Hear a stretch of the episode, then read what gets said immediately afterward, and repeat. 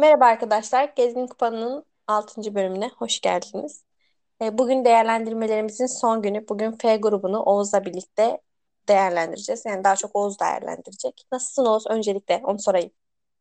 Yani yeni milli takım şarkısını dinlemeseydim gayet iyi olurdum ama yine de iyi olmaya çalışıyorum. Evet ya bu program öncesi ben de dile getirmeyi çok istiyordum. Yani şarkı Allah affetsin ilk 30 saniye katlanabildim. Sonrasında kapattım ya. Ya abi ya Tarkan'ın yazdığıyla 2008'deki o milli marş ya da şarkı her neyse.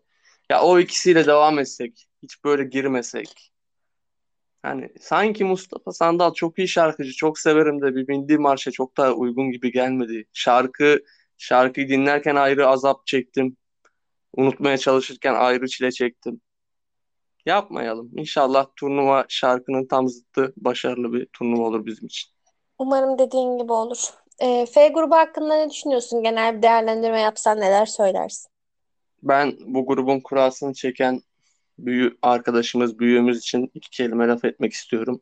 Gerçekten elinin ayarına be abi. Ya böyle bir grup olabilir mi? Grupta üç tane şampiyon adayı olur mu ya? Garibim Macaristan'ı da koymuşlar oraya şey gibi böyle bakıyor alttan alttan. Masum masum. Abi çok acayip ya. Abi 3 olur muyum? Hiç sanmıyorum. 2'yi düşünmeyeyim zaten. 3 3 3 mü 4 mü? Abi Almanya'yı yensem. Hadi Portekiz'de yensem. Fransa ile berabere kalsam. Ümitleri falan. Çok zor. İmkansız Üç. da. Ümit fakirlik Aa, ekmeği. Abi Almanya ile zaten Portekiz'i yenerse Macaristan bir daha turnuvalara katılma gereği bile duymaz zirvede bırakır. Değil mi? Bence de. İşte benimki de Ütopya diyelim. Evet. Hadi hadi değerlendir grubu. Merak ettim neler düşünüyorsun. İşte Gerçi abi değerlendir. üç tane şampiyonluk adayının olduğu grup mu olur ya? Almanya tamam bu iki takımdan Fransa ile Portekiz'den bir çıtır geride ama şampiyonluk adayı mı? Şampiyonluk adayı. Almanya her zaman Almanya'dır bakıldığı zaman.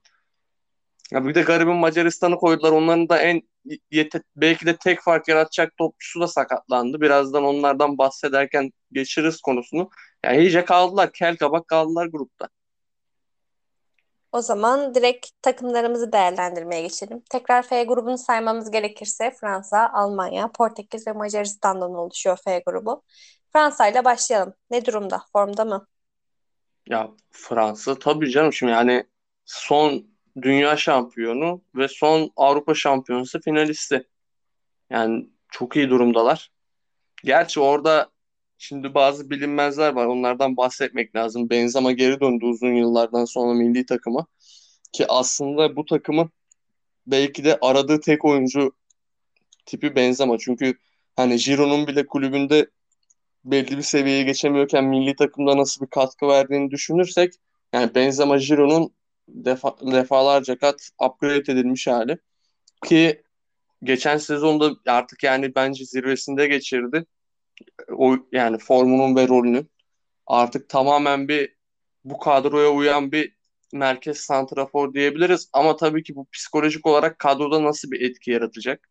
Çünkü şimdi bahsetmek gerekirse bir takım arkadaşıyla yaşadığı bir sorundan dolayı gelmemişti ve aslında hiç gelmesi de beklenmiyordu ama burada Döşam ilginç bir karar verdi. Ben şeyde sağ içinde onların çok faydasını olacağını düşünüyorum. Özellikle Mbappe'nin bu Benzema'nın servislerinden çok fazla faydalanacağını düşünüyorum. Bir de söylemek lazım Griezmann da sakat Fransa'da ve ne zaman döneceği turnuvanın hangi safhasında döneceğini en son bilinmiyordu yani ben kaynaklara baktığımda. Yani onlar hakkında da bazı bilinmezler var ama tabii ki benim için turnuvanın en büyük favorisi.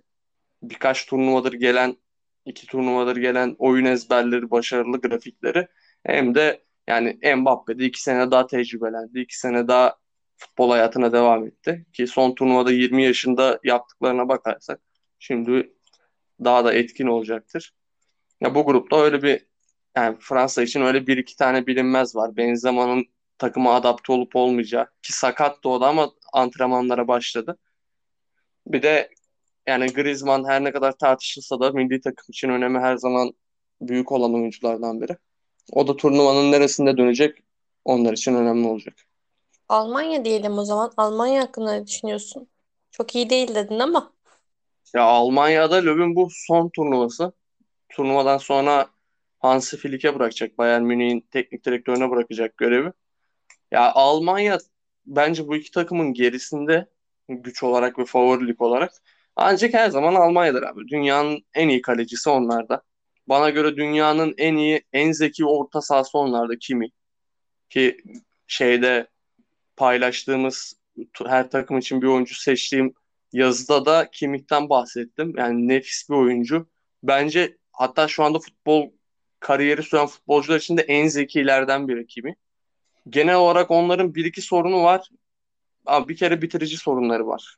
Ne Werner ne Havertz ki Havertz çok büyük yetenek. Chelsea'de de Şampiyonlar Ligi'ni getiren golü attı.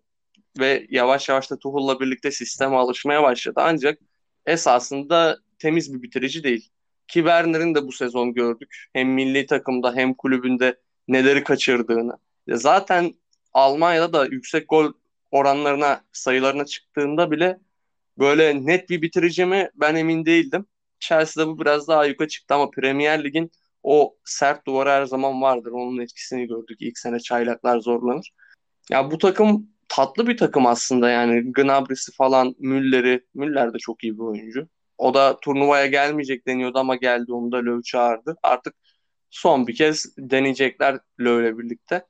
Yani çeyrek final bekliyorum ben açıkçası. Ondan sonrasını yapabilirler mi? Gayet iyi yapabilirler. Ama yani net bir şekilde söyleyemem. Turnuvayı kazanır, final görür falan.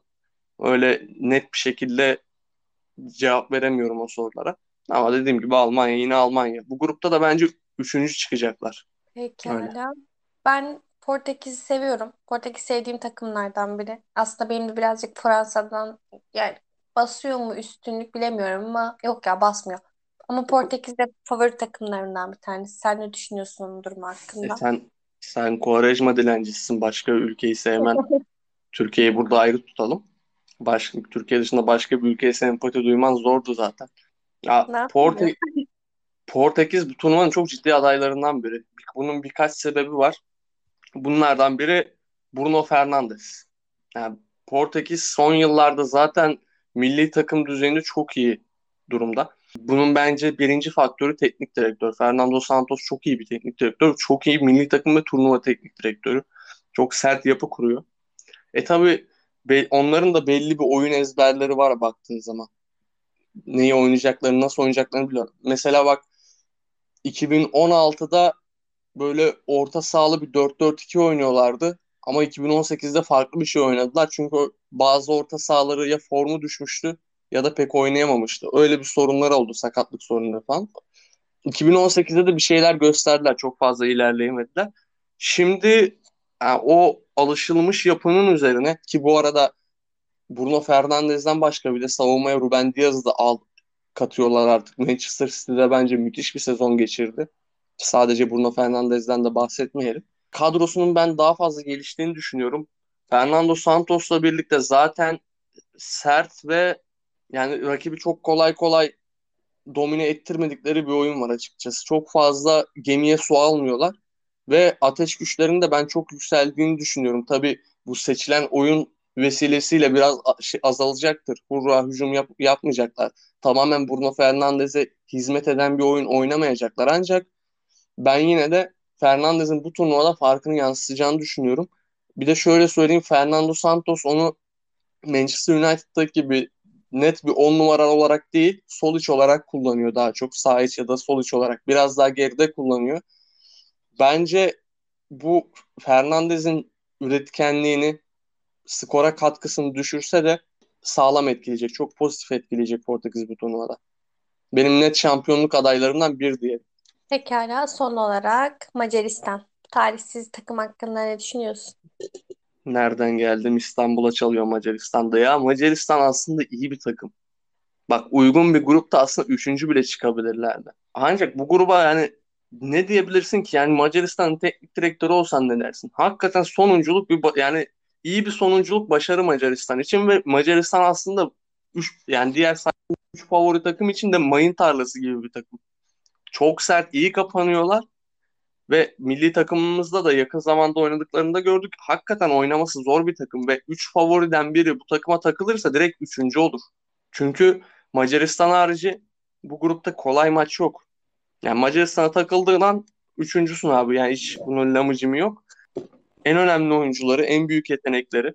Yine bir Red Bull okulun ürünü, fabrikasının ürünü Zoboslai sakatlandı turnuva öncesinde.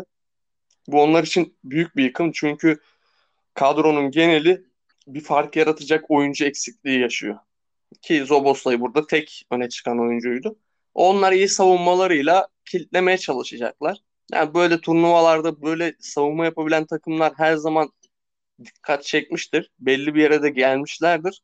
Ama sanki sadece savunmayla bu grupta bir şey yap yapamayacaklar gibi. Yani çok absürt bir şey olması lazım. Atıyorum Portekiz'i 60 dakika 70 dakika tutup oradan ona çarptı buna çarptı böyle faraş bir golle 3 puan alırlar diğerlerine de bakıp oradan 3. olurlar mı diye bakıyorum ama hiç Macaristan'ın bence bu grupta şansı yok ya.